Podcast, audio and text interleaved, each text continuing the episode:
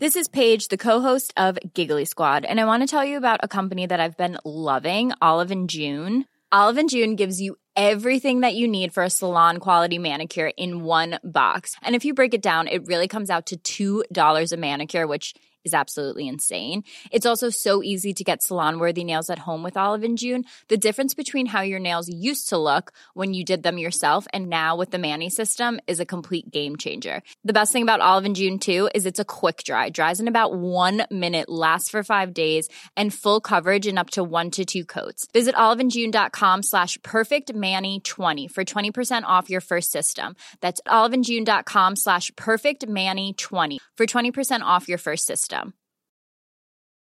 There's never been a faster or easier way to start your weight loss journey than with PlushCare. PlushCare accepts most insurance plans and gives you online access to board-certified physicians who can prescribe FDA-approved weight loss medications like Wigovi and Zepbound for those who qualify. Take charge of your health and speak with a board-certified physician about a weight loss plan that's right for you. Get started today at plushcare.com slash weight loss. That's plushcare.com slash weight loss. plushcare.com slash weight loss. There's never been a faster or easier way to start your weight loss journey than with PlushCare. PlushCare accepts most insurance plans and gives you online access to board-certified physicians who can prescribe FDA-approved weight loss medications like Wigovi and Zepbound for those who qualify. Take charge of your health and speak with a board-certified physician about a weight loss plan that's right for you. Get started today at plushcare.com slash weight loss. That's plushcare.com slash weight loss. plushcare.com slash weight loss. Hiring for your small business? If you're not looking for professionals on LinkedIn, you're looking in the wrong place. That's like looking for your car keys in a fish tank. LinkedIn helps you hire professionals you can't find anywhere else, even those who aren't actively searching for a new job but might be open to the perfect role. In a given month, over 70% of LinkedIn users don't even visit other leading job sites. So start looking in the right place. With LinkedIn, you can hire professionals like a professional. Post your free job on linkedin.com slash people today. I'm amazed how many people own stocks. They, they would not be able to tell you why they own. They couldn't say in a minute or less why they own it. Actually, you really press them down and say, the reason I own this is the sucker's going up. There's enough cash in the financial system, and there's an infinite amount of cash at the Federal Reserve, an infinite amount Put of cash. that check in a money market mutual fund. Then we'll reinvest the earnings into foreign currency accounts with compounding interest, and it's gone. So they had to do something. All they had left was just to print money and start buying things. And that's what they did. Quick buck artists come and go with every bull market, but the steady players make it through the bear market. They say money can't buy happiness. Look at the fucking smile on my face. Hej och välkommen till ett nytt avsnitt av Market Makers. Och vilket avsnitt dessutom Fabian. Det här är avsnitt 262. Det är dags för att vi ska greenwasha Market Makers-podden. Ja, det... Uff. Förra året var mycket olja och grejer. Äckligt. Men nu är vi gröna. för vi är numera ESG-investerare. Precis. Framförallt är det så svårt att få bort olja från händerna. Det liksom fastnar på något sätt. Ja, Eh, och från det- men, eh, Fåglar och sköldpaddor i havet. ja, precis. Usch. Eh, jo, men så här. Alla oljeinvesterare borde skämmas. Ja, vi pratade här för, eh, var det förra veckan? Nej, Förra, förra veckan var det väl? Vi pratade om eh, vad vi tror för stora trender till exempel under 2023. Vi försökte blicka lite framåt och prata om våra stora trender. Och vi tror ju fortfarande att en stor trend är det här med energi. Nu tror jag i och för sig, om jag liksom ska dra ut det lite grann, eh, klassisk helgardering här nu i och för sig, så tror jag kanske Traden kommer inte vara lika het i år. Det tror jag faktiskt inte jämfört med hur den var förra året. Men däremot så både du och jag liksom ser ju ett väldigt tydligt det strukturella problemen, att det är en väldigt strukturell eh, upptrend i energi. Det finns ju brist helt enkelt på energi och det här kommer ta flera år att spela ut. Så jag tror kanske på två års sikt eller tre års sikt så är energi fortfarande otroligt, kanske den mest intressanta sektorn på hela börsen. Eh, men jag tror inte det kommer vara det hetaste in i, i spotlighten i år faktiskt. Men vi får se. Eh, poängen är i alla fall att vi pratar fortfarande dock om energi som en stor trend. Eh, och vi har pratat väldigt mycket om olja, vi har pratat om uran, vi har pratat om massa av de här grejerna som har setts ner på väldigt mycket, men som är väldigt, väldigt viktiga. Eh, Idag tänkte jag dock prata om en annan del som jag också lyfte i det här avsnittet om trender 2023. Och det är lite mer fokuserat på vad kan privatpersonen göra idag? Och vad kan de göra idag? Jo, det är ju framförallt installera solceller. Det är också värmepumpar. Värmepumpar kommer vi återkomma till i ett framtida avsnitt. Det finns en del intressanta. Störst är såklart Nibe, men vi har även Save Energy som är en nyhet, notering till exempel i Sverige. Och det finns ganska mycket initiativ som vi ser kring just att installera värmepumpar som vi kommer ta upp i det avsnittet när vi kommer dit. Men idag tänkte jag fokusera på solcellsdelen och prata om två svenska spännande solcellsbolag och lite allmänt om solcellsmarknaden. Det låter skitbra och jag ska agera motvikt här nu. men jag ska sätta dig och grilla dig lite här vad fallgroparna kan finnas i de här bolagen. Ja, man brukar sitta i heta stolen säger man ju. I det här fallet så är väl den sol täckt med solceller, för de blir väldigt varma. Exakt. Men som vanligt ska vi först påminna att det inte är någon rådgivande rekommendation. Vi berättar bara vår process och hur vi tänker. Gör alltid din egen analys och glöm aldrig att alla investeringar är förknippade med risk. Men vi börjar väl som vanligt med veckans tre snabba. Fabian, lite återkoppling från förra avsnittet va? Take it away! ja, eh, förra veckan så pratade vi mycket om AI och du snackade en del om Bing och eh, ChatGPT. Att Microsoft, de hade ju investerat en miljard dollar i OpenAI, de som gör den här eh, chattjänsten chatttjänsten ChatGPT. Med planer att integrera det i i just Bing. Ja, och det var, det var lite speciellt ju, för att vi pratade väldigt mycket om just för flera veckor sedan också om hur Google liksom håller på att... Ja, den sökmotorn, det finns mycket att önska i Googles sökmotor och många alternativ som kommer. Och så sa vi då i förra avsnittet att ChatGPT verkar vara det första riktigt stora alternativet, eller liksom döda, Google-dödaren på riktigt. Eh, och Google själva erkänner det också och säger att därför kan vi inte göra om sökfunktionen till en chatt, för att vi kan inte få in annonser i det på samma sätt. Men Microsoft, deras eh, Bing, deras sökmotor, tycker ju de inte... Det är inte lika känsligt för dem helt enkelt, så de valde ju då att, eh, eller gick ut med att de har planer på att integrera ChatGPT i Bing. Och nu också, som du säger, då, så har de också gått ut med att de ska investera också i OpenAI. Eller de har gjort det tidigare, men nu ska de köpa ännu mer. Ja, de vill ju köpa upp till 49 procent av alla aktier i OpenAI för en investering på totalt 10 miljarder dollar. Och det här är, otro, det här är en otroligt stor siffra. Eh, men det är också väldigt intressant för att eh, man ser även rykten då sprida sig. Kommer det stanna vid Bing eller kommer man börja integrera det här i Office, PowerPoint, Outlook, Excel och så vidare. Och Microsoft har ju redan tidigare varit exklusiv cloud provider till OpenAI. Det känns som de kommer ta, göra OpenAI till sitt egna, eh, sitt egna komplement till sina nuvarande produkter. Och jag är, jag är rätt hypad på det här. Jag tror att det här verkligen kan vara någon typ av aha moment för många inom AI. Faktiskt visa framtiden för AI för väldigt, väldigt många. Verkligen. Och man ser... Som du, Ja. Som du sa förra avsnittet, att de flesta tänker inte på AI som redan finns i samhället. Nej, och Microsoft har ju redan ganska mycket coola grejer tycker jag i Office. Jobbar till exempel med PowerPoint, då finns det så här, slänger du in tre, fyra bilder och en rubrik, då får du direkt designförslag som ofta är faktiskt väldigt snygga på hur du skulle kunna designa upp det här. Eh, I Excel finns det en hel del, men tänk, det kommer komma alltså, otroligt mycket mer.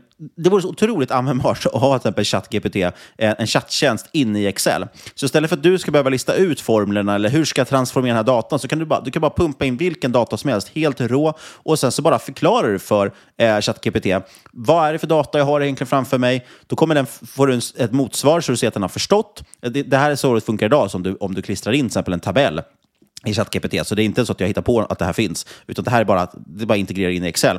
Och sen så berättar att jag vill transformera den på det här och det här sättet, jag vill ha ut den här informationen eller göra den här tabellen och så kommer den skapa det åt dig. Jag tror att Alltså det kommer verkligen öppna upp Excel åt, eh, för otroligt många människor.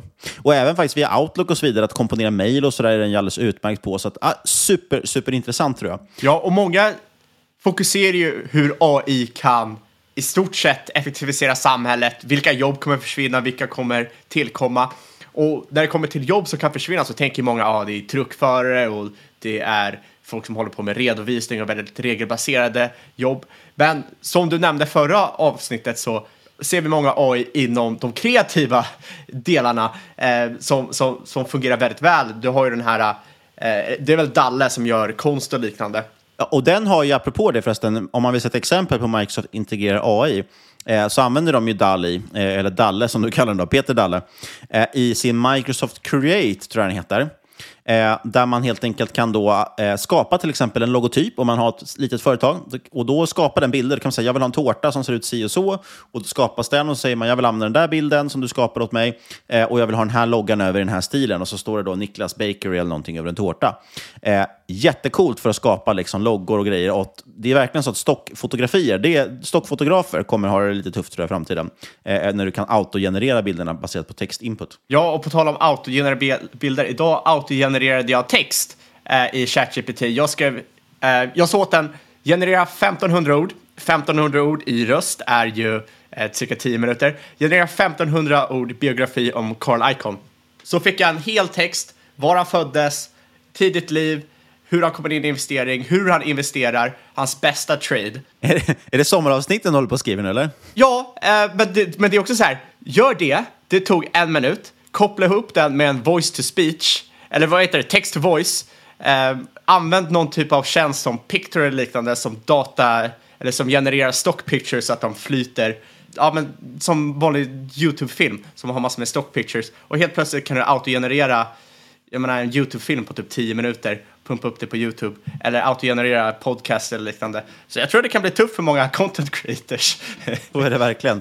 Jag tror att det blir allt mer viktigt att ha kanske analysdelen, att själv ha någon form av input, inte bara samla data. Absolut, så det känns som så här, att alla som är på den lägre nivån, det känns som det kan automatiseras bort direkt. Vilket är jobbigt, för det är också den nivån där det finns mest pengar att hämta just nu, där det är de flesta som, de flesta, vad heter det, vill, vill lyssna på. Verkligen. Ja, men vi ska inte sitta kvar här med AI och grejer. Vi ska hoppa vidare till nästa grej. Och det är ju att många har ju pratat om en Paul Pivot. Men det vi ser nu, och vi har sett senaste månaden, är ju snarare en Xi Pivot. Vi har ju gått från Covid Zero i Kina till att det är fritt fram för hela samhället att gå ut och roa sig, få covid, sitta hemma, göra vad ni vill Eh, på väldigt, väldigt kort tid.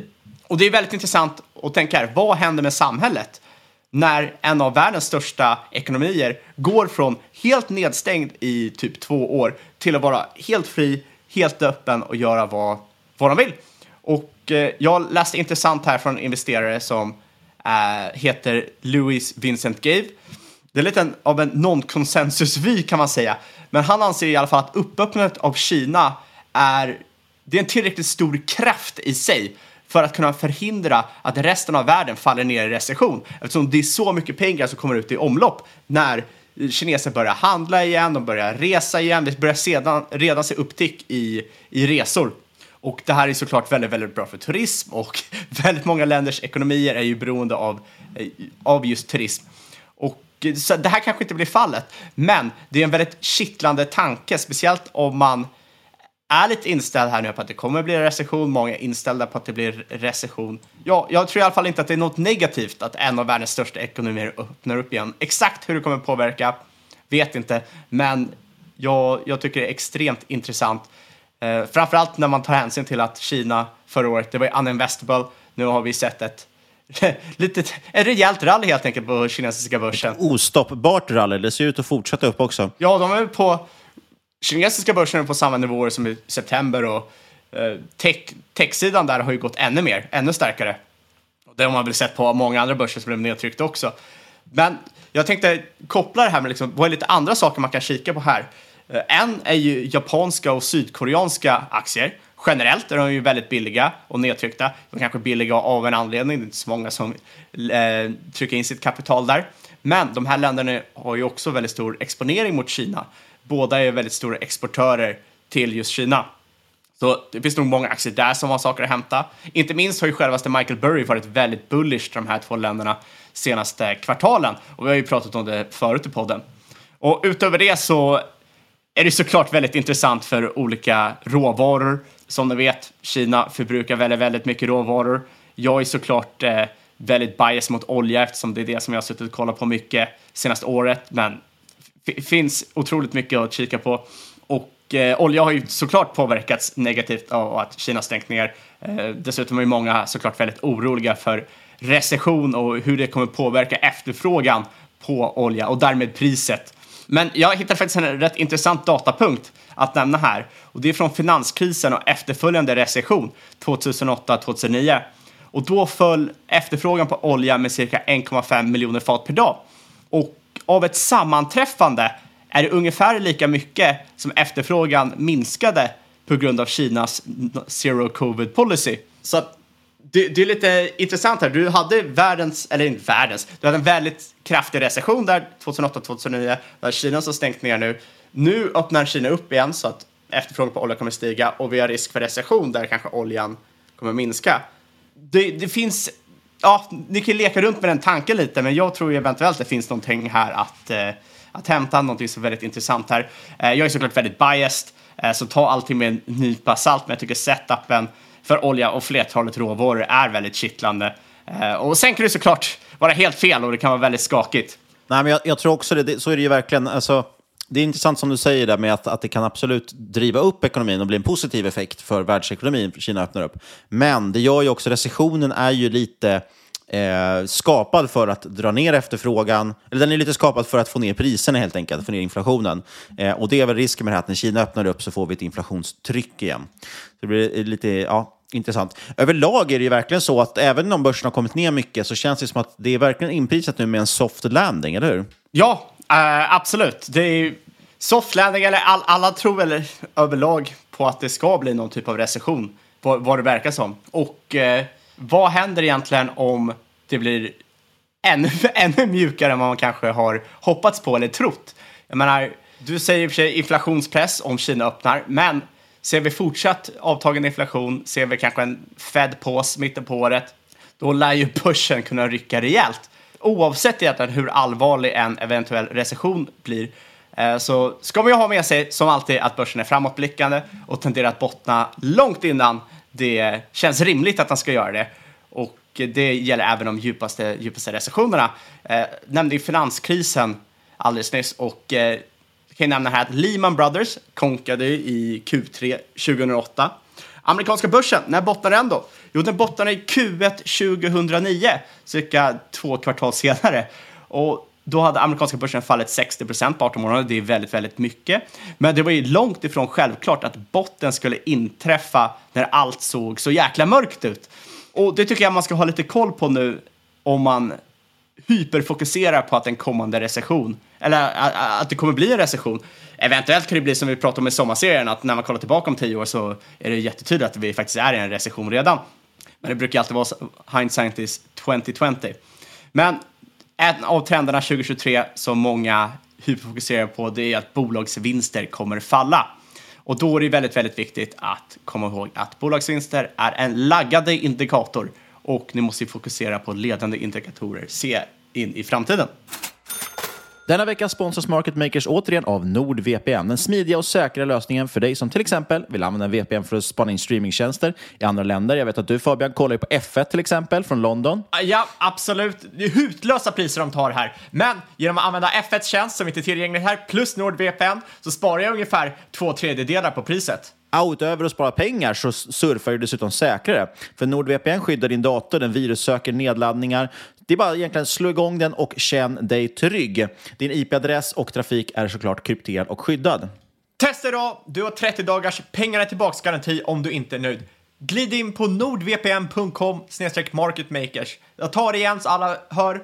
Det är alltså nordvpn.com marketmakers för att testa redan idag med rejäl rabatt de första två åren plus att du får de fyra första månaderna gratis. Länk finns såklart i avsnittsbeskrivningen. Vi säger stort tack till NordVPN. Då hoppar vi in på dagens huvudämne, vilket är då solenergi eller solceller. Eh, och det här bygger som sagt lite på, som jag sa i introt, att eh, i grundfrågan, vad kan privatpersoner göra här nu? Vi har ju pratat om den här energikrisen, det vet ni alla om, hur, hur, vad, ja, att den finns så att säga, och vi har problem med, med elkapacitet och så vidare. Problemet är att väldigt mycket av lösningarna ligger ju i regeringens händer, eller regeringarnas övervärlden. Eh, staters, staterna är egentligen de som måste liksom, initiera de här projekten. Du och jag kan inte bygga ett eget eh, Eh, ett eget kärnkraftverk till exempel på, på i trädgården. Utan det är stater som måste ta tag i problemen och lösa dem. Eh, men många är ju väldigt desperata just nu. Många sitter ju med väldigt höga elräkningar och vill göra någonting åt sin situation här och nu. Och det första exempel är ju att få bort direktverkande el och så vidare alltså när det gäller uppvärmning.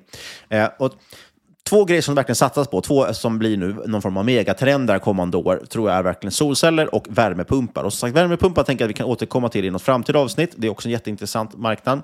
Eh, jag tänkte fokusera dock idag på solceller. Det kommer bli lite repetition från avsnittet vi gjorde med aktiesnack.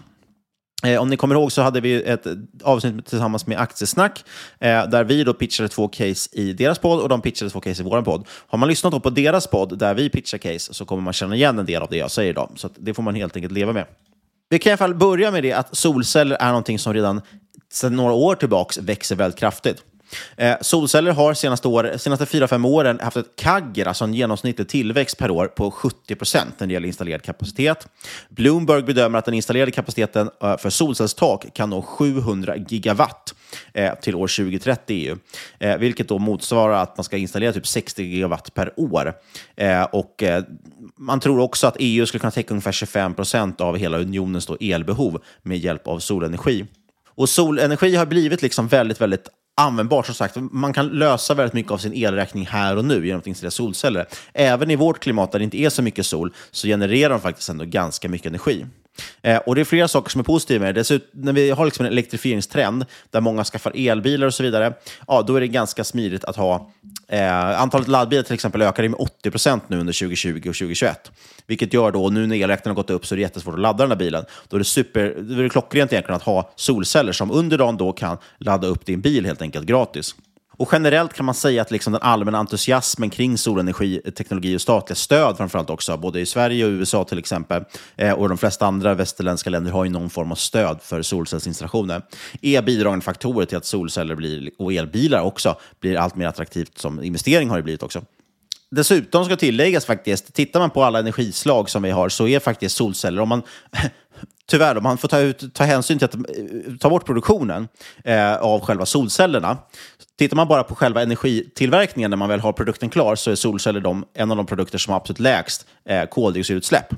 Och Det här kan man ju då tycka vad man vill om, men som sagt, tittar man på hela kretsloppet när den tillverkas då i Kina av, av kolkraft så är det kanske inte så himla rent. Men det tittar folk inte på när de gör sina ESG-rapporter på sina bolag. Så desto fler bolag som måste skriva sina ESG-rapporter och desto fler bolag som vill bli gröna så att säga eh, och mer oberoende kanske av elnätet så kommer också fler och fler bolag bli intresserade av att installera till exempel solcellstak på sina eh, fabriker och lokaler. Eh, så därav också att vi tycker det är lite intressant med solceller. Eh, det finns mängder av liksom skäl till att det är intressant. Ja, och det där ska man inte heller underskatta den kraften av att det står att det är grönt så jag vill ha det. Det är väl, väl, väldigt vanligt att man inte djupdyker i det där. Nej, det råder ett allmänt konsensus. Eh, och man får tänka som sagt på att vi har massvis med ESG-policies, hur man ska rapportera koldioxidutsläpp. Eh, det är väl idag, tror jag, eh, i princip eh, lag på att du ska ha en, en eh, vad heter det, inte miljörapport, utan en, ja, en ESG-rapport i princip. Utöver din vanliga årsredovisning så ska du också ha liksom en, jag tappade helt bort namnet nu, men ni förstår vad jag menar. Så det är jätteviktigt för bolagen. Och i, i de här, när man tittar på liksom ett bolags till exempel koldioxidutsläpp, då tittar man inte på sådana saker som hur mycket koldioxid släpptes ut när du tillverkade de här solcellerna, utan man tittar bara på här och nu när man väl har installerat dem. Eh, så det är det som är intressant att, att fundera på i den här aspekten, även om man kan tycka det är lite cyniskt. Eh, och såklart, tänker man privatpersoner, ja, så kommer första motargumentet såklart vara, kommer folk inte sluta liksom investera i solceller nu när man knappt har råd att betala elräkningen och räntan har gått upp? Jo, absolut. För en del kommer det bli tufft. Speciellt kanske man köpt ett hus senaste året precis på toppen och det har gått ner massa, räntan har gått upp, man var väldigt högt belånad och så vidare. Ja, då blir det svårt att kanske motivera det. Men väldigt många sitter ju i hus som inte köptes senaste åren utan som har köpts tidigare och har gått upp väldigt mycket och man kanske har mycket låneutrymme. Eh, och i och med, alltså, man räknade ju förut att, att det var ungefär kanske 10-15 års avbetalningstid på solceller. Man fick ungefär 10 procents av, avkastning per år så att säga. Eh, i och med att räntorna har gått upp, ja, då borde ju liksom den här avbetalningstiden bli längre. Men det har den inte blivit, utan det har ju kompenserats av att det är så mycket högre el, eh, elräkningar, eller vad heter det, elpris, så mycket högre elpris.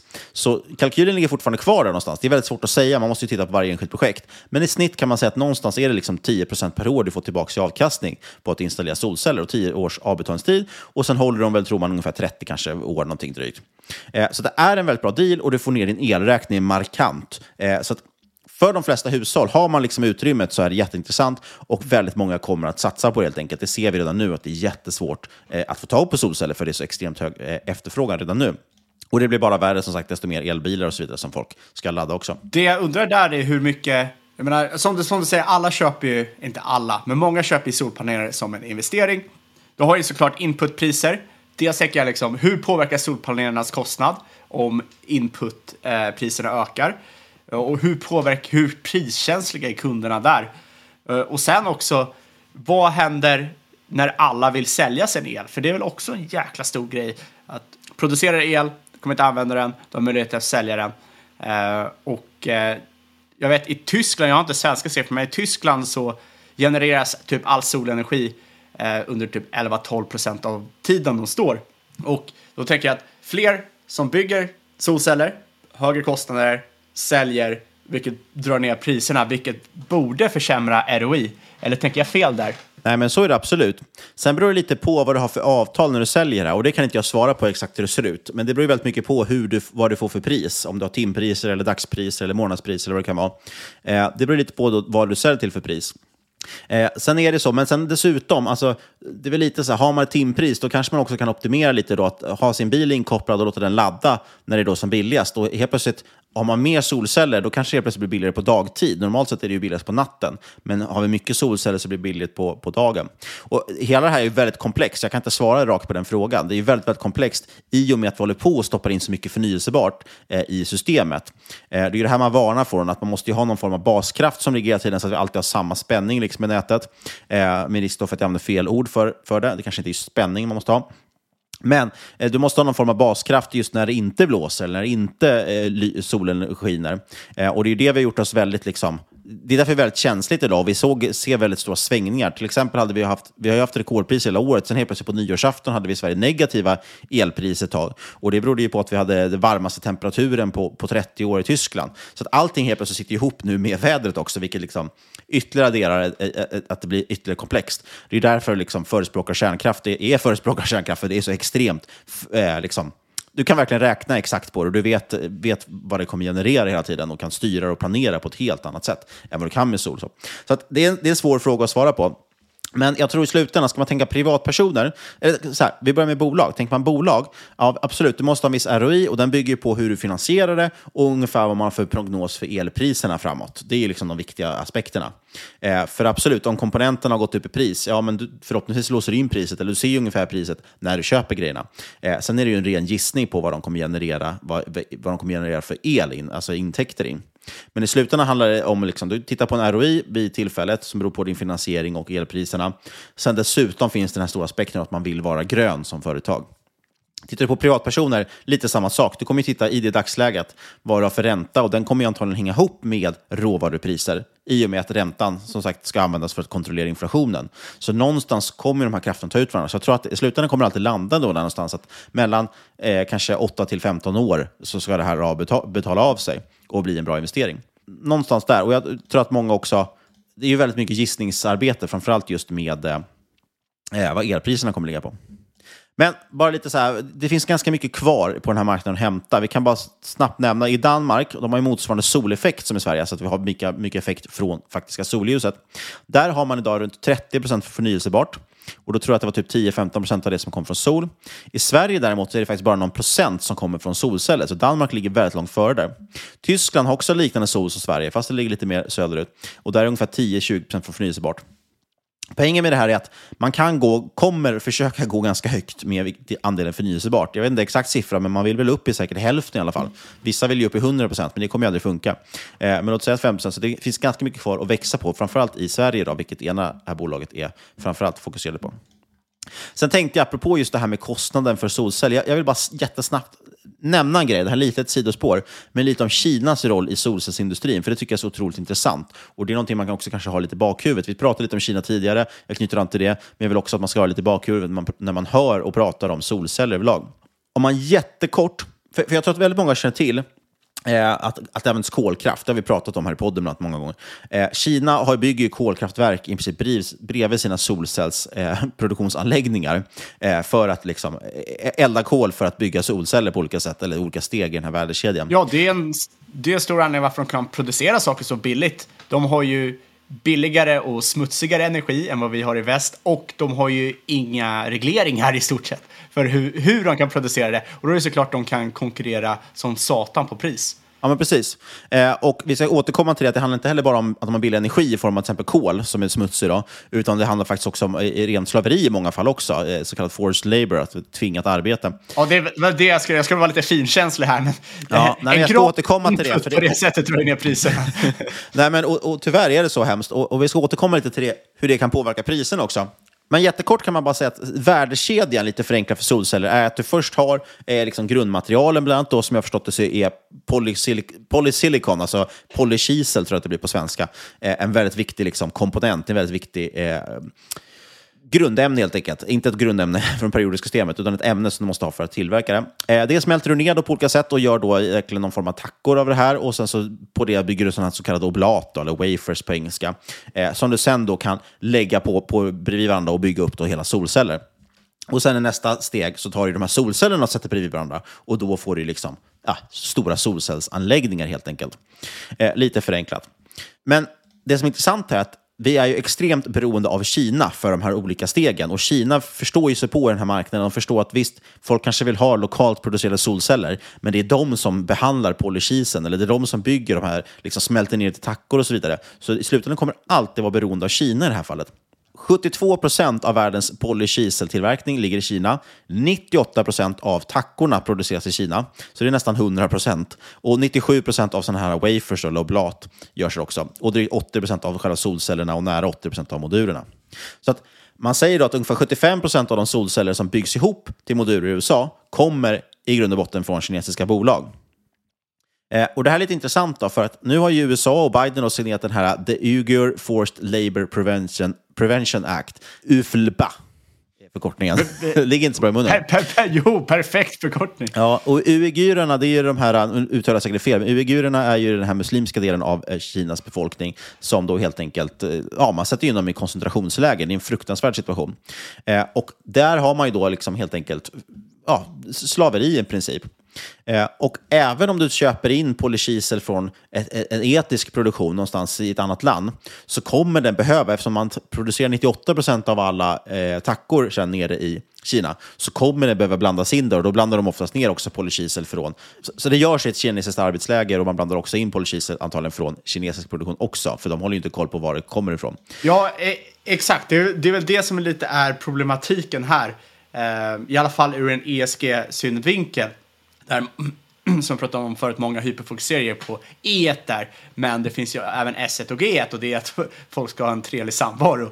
Och ja, det, så det, som... det där är jätteknepigt och USA vill ju motverka det genom den här nya lagen.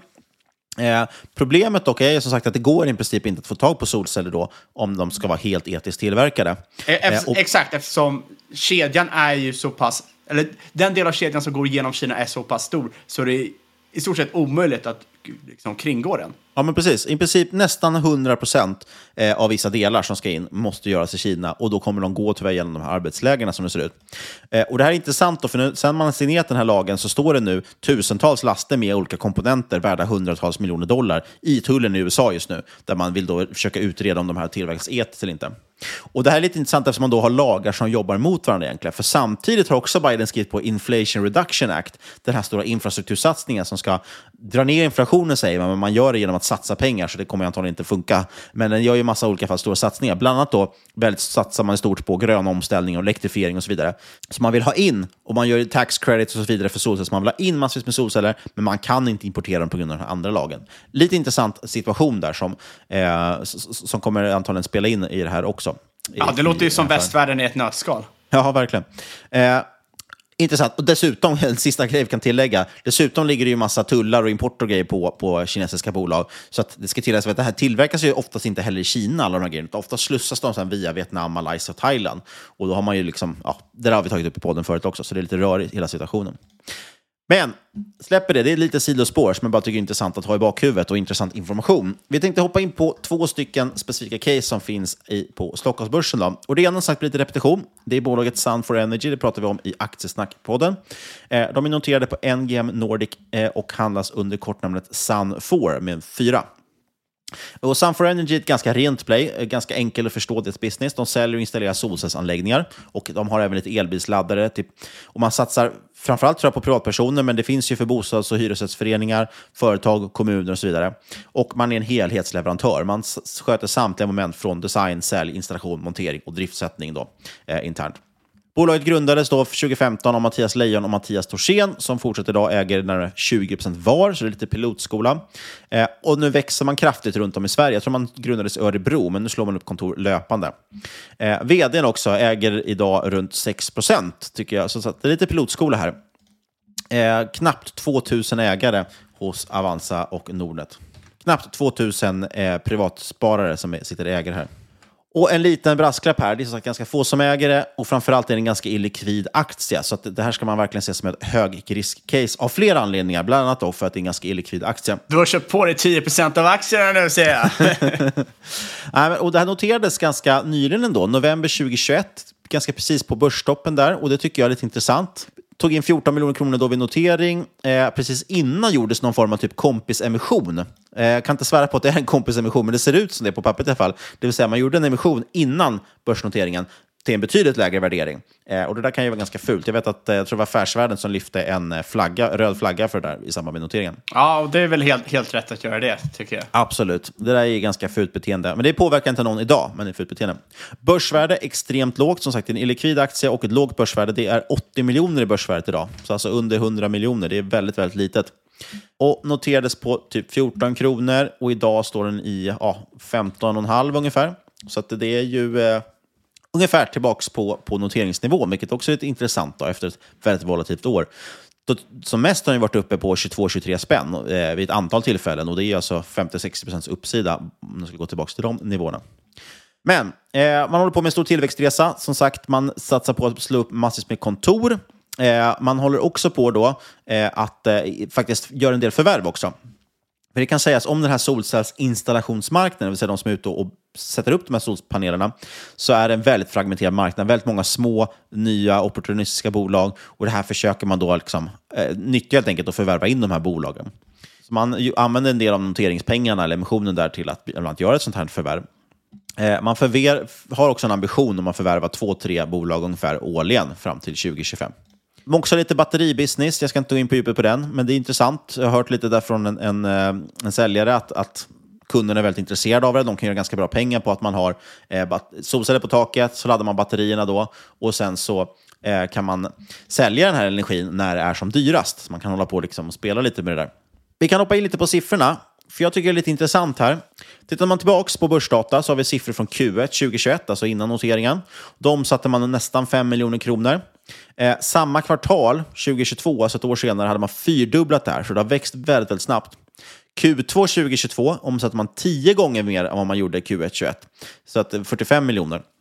Så det har gått väldigt, väldigt fort den här tillväxtresan och man har väldigt hög efterfrågan. Eh, sedan Q2 också 2022 har man också gått med vinst, vilket jag tycker är intressant. I det kvartalet hade man 1% vinstmarginal, så det var precis där någonstans man gick break-even. Kvartalet efter, som alltså är det senaste, låg marginalen på 3,6% på ungefär samma omsättning.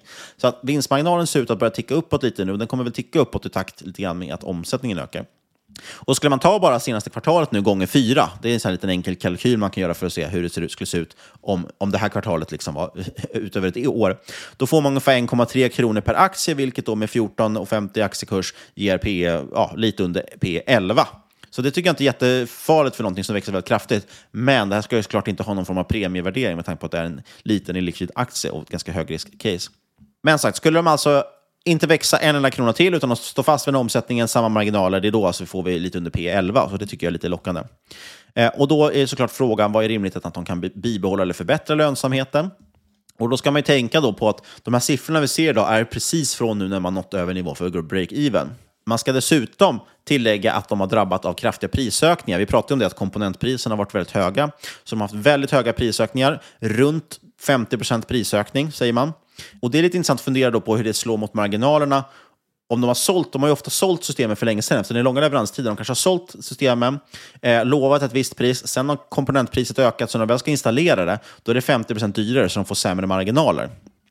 Det intressanta nu är att de har höjt priserna ut mot kund eh, samtidigt som råvarupriserna och komponenterna har gått ner i pris eftersom logistikkedjor också sånt återhämtat sig. Så att marginalen kan jag tänka mig, eller gissa nu, kan se väldigt, väldigt bra ut kommande kvartal. Samtidigt som den över tid bör då gå ner igen. Det, behöver, det kanske blir liksom en extremt hög marginal här kommande kvartal. Men på sikt så borde då de där två mötas någonstans. Då. Och jag vet faktiskt inte vad man kan landa på för, för marginaler här, men låt säga att man borde ha kanske 10-15 procent eller någonting på sikt. Eh, men det är lite intressant här just eftersom priserna har skenat så mycket eh, och det har rört sig så fort eh, och i kombination med att det har varit långa leveranstider. Så att har man liksom inte skött det här snyggt så gör man stora förluster. Jag såg att det var Soltech bland annat som gjorde förlust på 90 miljoner senaste kvartalet just för att de hade sålt systemen innan grossisterna hade höjt priserna. Eh, så det har blivit jobbigt. Och Sun For Energy tog också en ganska stor smäll på det under Q1 2022. Ja, det berodde även på också förvärv och nya kontor.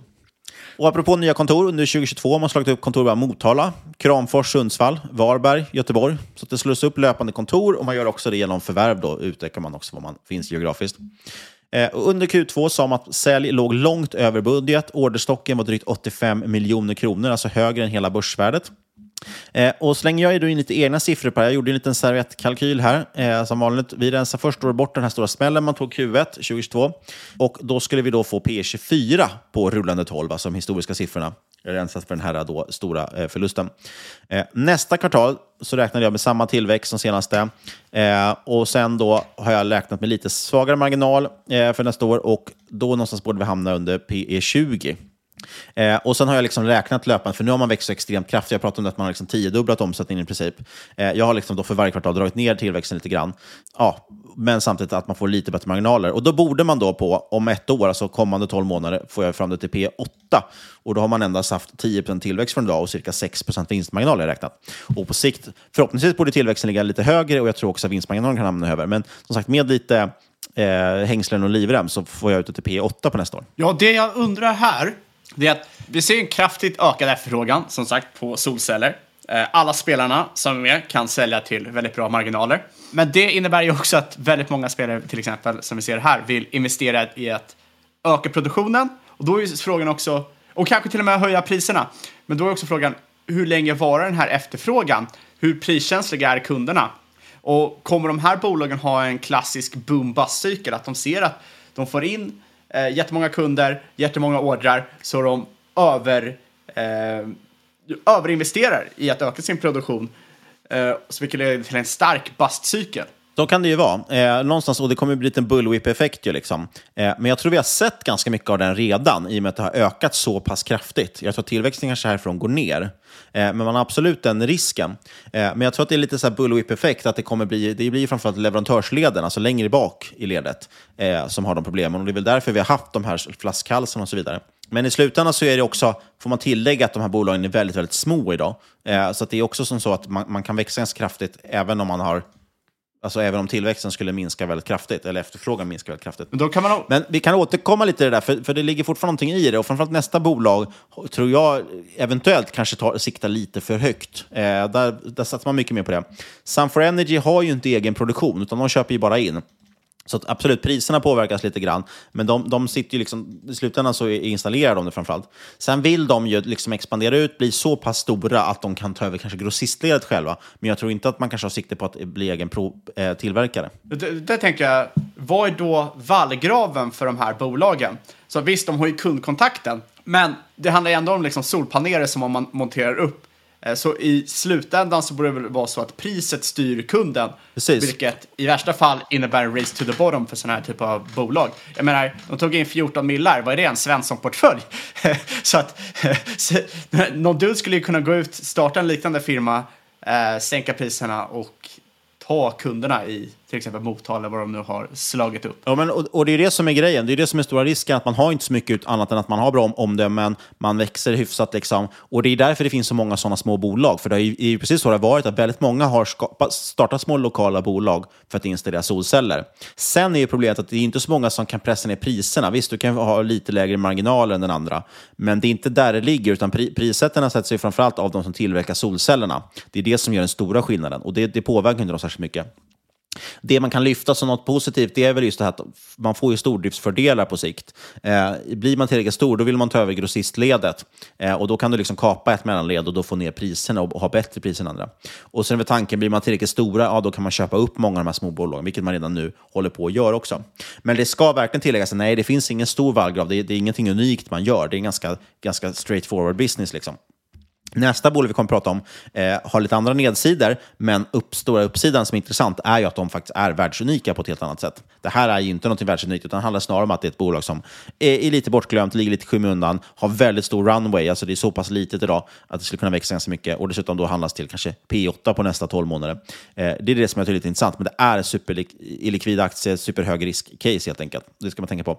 Men vi drog ju fram det också, Vi vaskade fram det lite också för att vi skulle ju tävla lite med aktiesnack. Eh, och då tror jag att en, en illikvid aktie, den kan ju alltid stiga mer om den får ett bra köptryck. Ja, jag, jag tog ju också ett li, litet bolag och så tog de andra grabbarna så här renommerade bolag, eh, coola Twitter-snackisar och grejer som de får mycket cred för. Så jag hoppas ju fan att vi vinner den tävlingen. Ja, och än så länge tror jag ändå att eh, Magnus leder väl, va? för han eh, tog ju Waystream och den har ju gått som en raket. Den är väl upp 30 procent sen dess, så att vi ligger ju i lä. Ja, superintressant bolag också som jag tänkte att vi skulle ta upp i podden, men nu hann ju han före då och lyfta det in i våran podd. Liten disclaimer här, jag äger lite aktier i Sun4 Energy, men med betoning på lite. Det går inte att köpa så mycket i det här bolaget, men jag har lite grann för att jag tycker att man ska, eh, vad heter det? Put your money where your mouth is. Så vi tog ändå upp det här i en tävling. Nästa bolag jag tänkte lyfta, som är faktiskt världsunika och otroligt intressanta på många andra sätt, det är ju bolaget Midsummer. Ticker är MIDS handlas, och handlas på First North. Det här bolaget är lite större. Eh, de har faktiskt också lite analystäckning av bland annat Erik Penser, Carl Square och Analysguiden. Älskar för övrigt den här nya funktionen Börsdata. I Börsdata nu kan man ju dels, som jag nämnde i förra avsnittet, kan man trycka upp poddar och se exakt när någon har pratat om ett bolag i en viss podd. Du kan även få se och läsa alla analyser som finns publika av ett bolag direkt i Börsdata. Så man kan i göra allting nu för tiden från Börsdata. Det, det var där en, Inte sponsrad, tyvärr. Det var där den anrika korpfirman Carlsquare kom upp, eller? Jajamän. ja, men det är väl köpanalyser, samma med Analysguiden, eller de är väl en tidning kanske. Erik Penser, det här är ju ett accessbolag tror jag, det är, det är köpanalys. Eh, så det är de som dyker upp där, det är ju inte liksom SCB och Handelsbanken och de, för de är ju inte publika de analyserna på samma sätt. Eh, men Erik Penser vill jag lyfta lite grann, för de uppdaterar ofta löpande i deras podd om det här bolaget, eh, när de gör lite sådana här kontinuerliga uppdateringar varje kvartal. Eller Eh, har även en intervju med, med vdn Sven Lindström, så eh, det kan vara en liten lyssningsrek om man vill följa Midsummer. Men Midsummer, jag sa att de är unika. De är en solcellsproducent. Så att, till skillnad från till exempel Sunfire Energy som bara installerar grejerna, så är det här faktiskt en solcellsproducent. De producerar egna solceller. Och de gör en helt unik produkt. Som dessutom då ser ut som takpannor. Tänk det här som, eh, det var inte Tesla, men Tesla köpte ju upp var ju en rörhistoria, nu kommer jag på ett sidospår kanske, men eh, Elon Musk var ju med och drev något slags eh, soltaksbolag, eller solcellsbolag som jag helt glömt bort namnet på nu. Eh, det var hans kusiner tror jag som drev det. Och sen höll ju de på konka och då gick ju han in och lät Tesla-ägarna baila ut hans kusiner så de skulle, så de skulle slippa gå konkurs. Och nu äger man det där och det är det här taket som Tesla säljer, liksom, som ska se ut som takpanel. Jag vet inte ens knappt om det finns på riktigt, eh, som med många av Musks produkter. Men ja, det här är lite samma grej, fast det faktiskt funkar och finns och, och funkar jäkligt bra dessutom. En rätt cool produkt. Ja, det är lite ballt. Tillverkas dessutom i Sverige med 90 procent lägre koldioxidavtryck än traditionella solpaneler, säger man. Eh, jag ska inte försöka mig på att förklara tekniken, det finns andra som gör det mycket bättre. Eh, men resultatet, e- egentligen handlar om att man, har plockat ut vissa produkter, kunnat bygga den här produkten på ett helt annat sätt. Lite intressant faktiskt, ganska bra eh, backstory hur de här skapades och så. De håller ju på egentligen inom CD och DVD-produktion. Det är många lyssnare som knappt vet vad en CD är för någonting tror jag. Men det är en liten plastskiva helt enkelt som man pressar. Och en liten plastskiva, det kan man ju säga att en liten skiva som ska pressa ihop, det är ju det man gör med en solcell också. Så att de började faktiskt med CD och DVD-maskiner och så kom de på att de kunde konfigurera om de här och bygga solceller med en helt ny teknik som då uteslöt ganska många giftiga och farliga material och som var svåra att få tag på. Så att man kan helt enkelt pressa ihop de här med en, en liknande maskin som en CD och DVD-spelare. Eh, ganska coolt faktiskt. Eh, resultatet av den här nya tekniken de har kommit på, som är världsunikt som jag förstår det, det är att solcellen blir extremt tunn. Den kräver heller ingen glas eller aluminiumram och så vidare, vilket gör att då det blir koldioxidsnålt så att säga. Den blir väldigt tunn som jag sa. Energisnål, alltså det kostar väldigt lite energi att tillverka det här, vilket gör att man blir mindre beroende av exempel elpriser i sina fabriker och så, vilket är intressant i de här tiderna. Det krävs också mycket mindre material, vilket gör att kostnaden blir mycket lägre och så vidare. Och så vidare. I och med att den är så tunn också så kan man dessutom mycket lättare forma den till olika former och sen då sätta den till exempel på mer, fler typer av tak och göra det snyggare. Eh, och Det är lite intressant. Då. Så de har ju till exempel någon vågformad panel som alltså följer formen av takpannor. Och den kan du alltså lägga då på ditt befintliga, dina befintliga takpannor utan att den nästan inte syns. Eh, de har också någon variant som passar med falsat plåttak. Eh, och så finns det också större varianter för kommersiella fastigheter. Och den första följdfrågan såklart är, bygger man på den här tekniken, varför gör inte alla det? Eh, vad är det negativa? Ja, en, en del av det negativa är att man tappar lite effekt. Men inte så pass mycket jämfört med de vanliga kiselsolcellerna. Och den lilla man tappar, det kan man faktiskt kompensera ganska snabbt genom att täcka lite mer av taket. För det blir ju mycket lättare att täcka liksom nästan 100% av taket med den här tekniken jämfört med vanliga solceller som då är mycket mer bulkiga liksom, och svåra att få in. Så att i slutändan så är det så att du får ungefär samma effekt output ändå för ett tak som är traditionella solceller. Eh, och som sagt, väldigt energisnåla och väldigt lågt koldioxidavtryck och producerat i Sverige. Så det här är väldigt, väldigt intressant för som sagt bolag som vill eh, greenwasha sig lite. Eh, och det är faktiskt rätt sjukt. Som sagt, det startade, man hade fyra stycken eh, medgrundare. En av dem, Alf Linder heter han, han byggde en sputtringskammare, heter, jag vet knappt vad det är för någonting, från scratch i sitt hem. Han hade alltså i sitt garage började de producera det här. Då. Och så bjöd han hem lite investerare från Stureplan för att titta på när han producerar sin första solcell i sitt garage. Det tycker jag är lite coolt där. Och så investerade de lite pengar i det. Och sen för ja, 15 år sedan kom de över några gamla CD-maskiner eh, från Taiwan för billiga pengar. Och de började de använda. De beslöt ut all elektronik och byggde om dem till solcellsmaskiner. Det är lite ballt. Eh, så det är så liksom hela den här resan börjar. Ja. Och de har, som jag förstår det, är några av grundarna också en bakgrund inom just CD och DVD-produktion eh, och den tekniken. Och Sven Lindström nämnde jag, han är vd och han är också en av de här fyra grundarna som är från början. Då, så det tycker jag är lite kul att han fortfarande är kvar. Och det här har väl slagit igenom ganska bra. Det som är det stora frågetecknet till det här bolaget, som jag skulle behövt reda ut lite med Sven kanske, det är varför, vad, som, vad som hände här egentligen 2020. Förutom corona då förstås.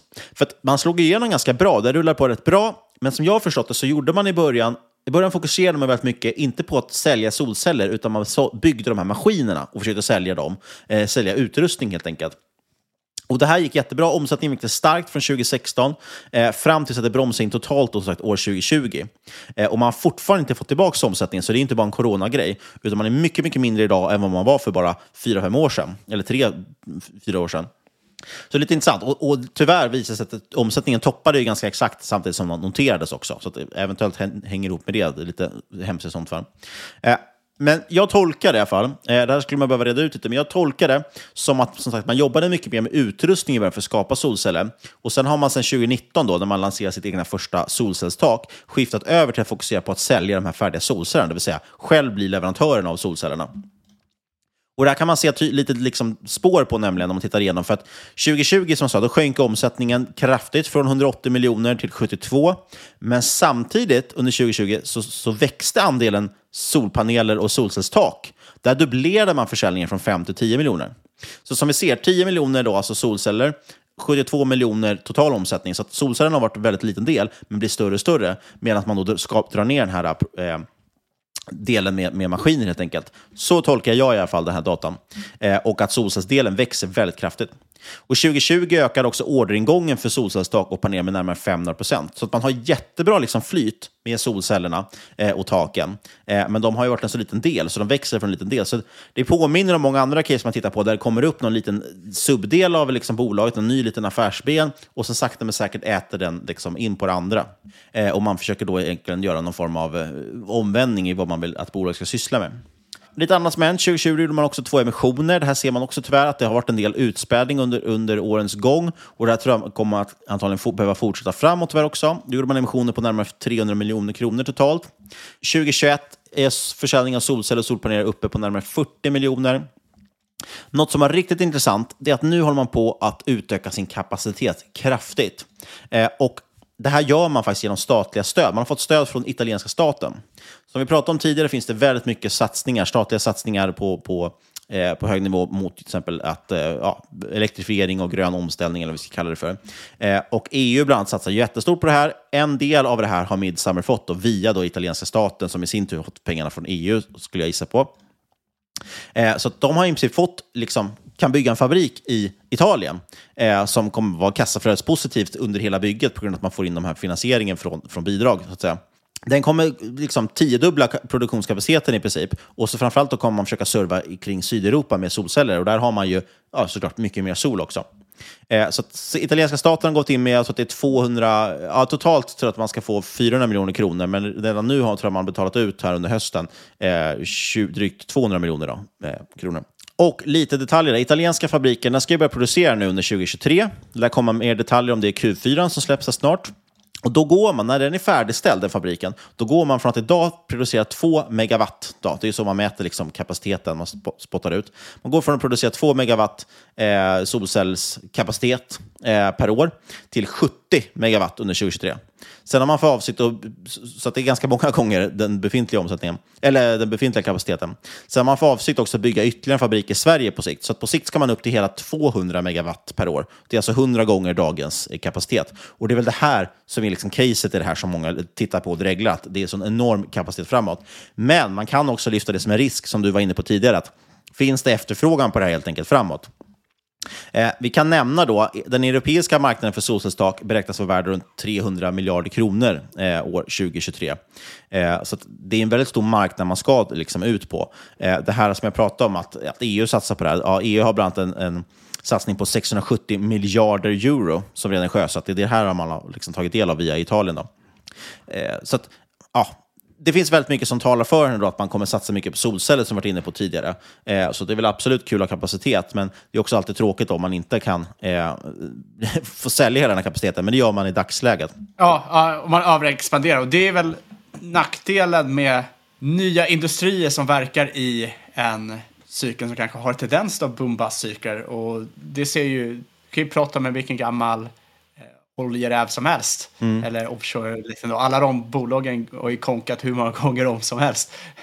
så nä nämner du något namn så, så bara, ah, jag kommer ihåg dem för tio år sedan innan de konkade. Liksom. Ja, och man, man kan säga enligt vdn så är det ju väldigt lätt att expandera. Eh, och man vill ju satsa ytterligare på expansion internationellt senare också. Eh, de säger att de kan använda i princip vilken lokal som helst. De stoppar ju bara in sin utrustning som de bygger själva. Så det ska liksom inte vara något problem att expandera om man vill. Och med det i åtanke, det är lätt kanske att ledningen blir lite för optimistisk och satsar lite för snabbt och lite för hårt. Eh, så att, någonstans kan man ju tycka att man borde vara lite försiktigare och, i och med att det är så lätt att expandera. Så att, Det är ändå kul hur snabbt det där går. Från förra och för, förra året. Och expanderar du inte, då helvete skulle du ner. Och nu är det, expanderar du för mycket, då ska du ner. Så att, jag menar, så Nej, men driver det- för, företag svårt att vinna när du är börsnoterad. Ja, nej, men någonstans får man väl lita på att de vet vad de håller på med förhoppningsvis.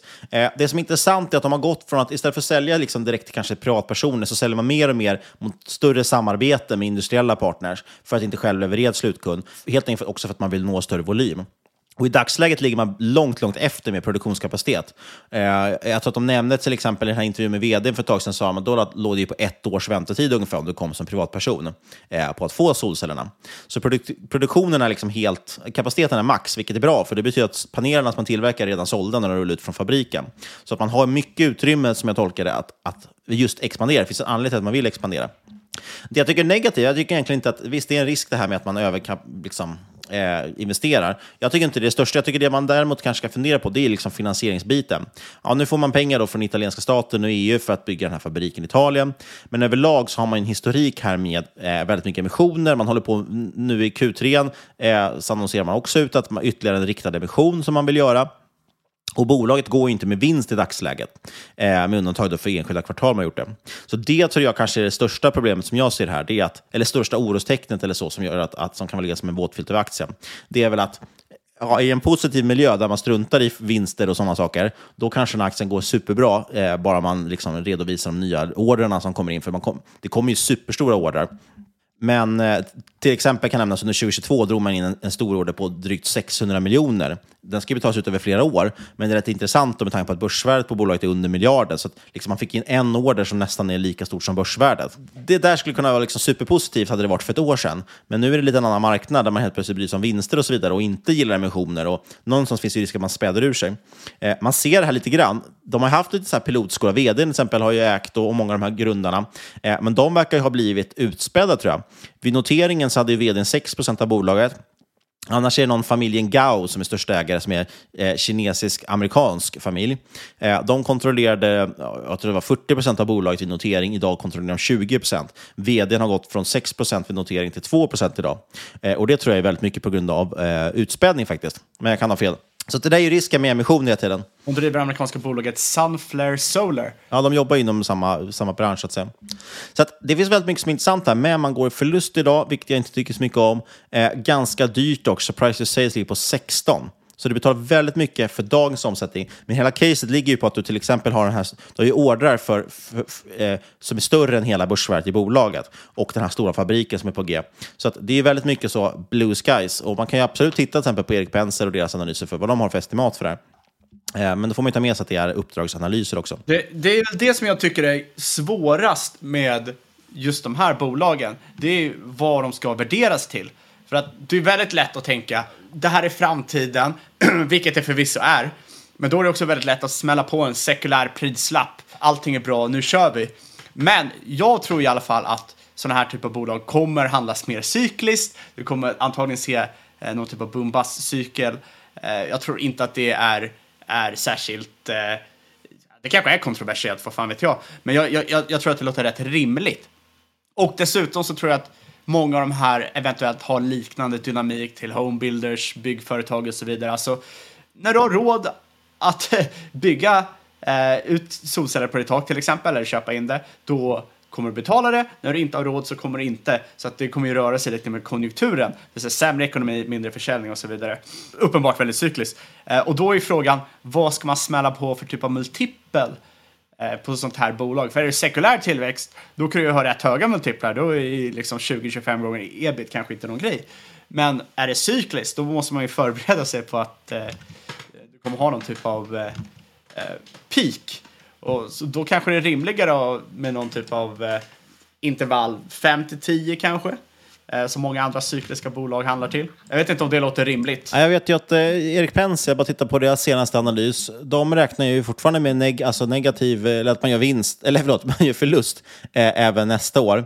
Eh, och de räknar med att man ska ha någon form av, de tittar på EV sales, eh, då kommer ju det, ska det ligga på eh, tre ungefär nästa år. Så de väntar, räknar med väldigt kraftig tillväxt, närmare ja, drygt 80 procent tillväxt. Och sen ska man växa nästan 100 procent till till 2024. Och då är EV nere på under 2. De har ett motiverat värde på 18 till 20 kronor och aktien står i dagsläget i eh, 13 ungefär. Så de räknar med stor uppsida, men det är sagt i köpanalys. De brukar ha lite blue sky-scenarion ganska ofta kan fortfarande betyda att de når det här. Jag tror garanterat, eller garanterat, jag tror det finns väldigt bra sannolikhet att de växer säkert närmare liksom 50-100% i år utan problem med tanke på att de ökar kapaciteten så mycket och man redan idag har så pass mycket efterfrågan. Eh, och den här fabriken kommer ju väldigt bra. Sen vet man aldrig vad som händer på 5-10 års sikt. Och jag skulle framförallt oroa mig lite grann just för emissionsfrågan. Jag vill verkligen att bolaget skulle kunna finansiera sig själva eh, lite bättre eh, så, att, så att man inte blir utspädd helt enkelt. Annars är det egentligen inget fel i sig med emissioner, men, men då måste man ju liksom försöka försvara sin andel hela tiden. Ja, alltså teoretiskt kan ju vilket bolag som helst växa. Det är bara att man pumpar in massa stålar i det. De vill ju kunna generera en bra avkastning på pengarna de pumpar in också. Nästa rapport kommer i alla fall 24 februari, så det är ganska snart i tid. Och man runt 10 000 svenska ägare, noterades 2018 som sa, och har i princip halverats sedan dess. Så det är också lite intressant. Man vill ju bottenfiska lite grann kanske. Ja, jag, jag har märkt allt mer att jag sitter och kikar på de här bottenfiskbolagen, speciellt eftersom Sinch drog iväg där typ eh, 300 procent om man...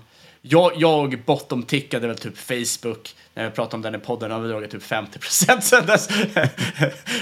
Rent för att det var så jävla översålt. Men eh, det gör ju... Men i sådana här lägen så kan det vara extremt intressant att kika på. Det är alltid så. Börsen tar ju alltid ut saker också, både på upp och nedsidan. Så nu när man har liksom bombat ut och sänkt väldigt många aktier, då har de ju gått ner alldeles för mycket. Eh, så det är ju det som till exempel händer med Sinch, att då kan man liksom plocka upp den lite för billigt och då går den upp ganska mycket. Den har väl ändå gått ner 70-80 procent eller vad det är på typ ett år. Absolut, och jag försöker också tänka på det jag sa i eh, vår julavslutning, att det behöver inte nödvändigtvis vara dåligt att ett bolag fundamentalt har gått dåligt. För att det brukar vara reversion to the mean där också. Och det är jäkligt ointuitivt och jag märker speciellt när man kollar på bolag hur svårt det är att sätta sig in i det eh, och inte sortera bort de typen av bolag.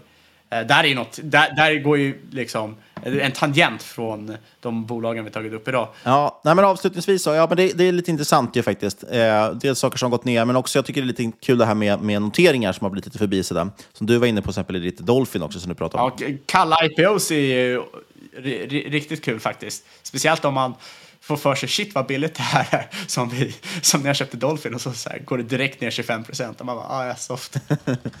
Avslutningsvis kan jag bara nämna också att jag äger inte några aktier idag i Midsummer. Nej, inte jag heller. Inte jag heller. Ja, eminent avsnitt Niklas. Ja. Bra case. Kul, kul, kul att vi får igång casen nu för ja, året. Och greenwasha podden lite. Men det är bra så vi får lite sponsorer. Exakt. Inget av den här podcasten ska ses som rådgivning. Alla åsikter var inna. LVS och eventuella sponsorer tar inget ansvar för det som sägs i podden. Tänk på att alla investeringar är förknippade med risk och sker under eget ansvar. Om du inte har eget ansvar så kan du kontakta oss på podcast.marketmakers.se eller på Twitter och aktier.marketmakerspod och klaga. Eller så kan ni lämna en recension på iTunes, men det får ni bara göra om ni säger något snällt. Och vi vill tacka NordVPN. Gå in på nordvpn.com marketmakers. Och sist, men absolut inte minst, stort tack kära lyssnare för att just du har lyssnat. Vi hörs igen om en vecka.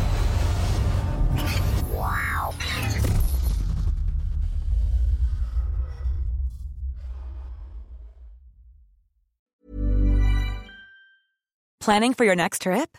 Elevate your travel style with Quince. Quince has all the jet setting essentials you'll want for your next getaway, like European linen, premium luggage options, buttery soft Italian leather bags, and so much more. And is all priced at 50 to 80% less than similar brands. Plus, Quince only works with factories that use safe and ethical manufacturing practices.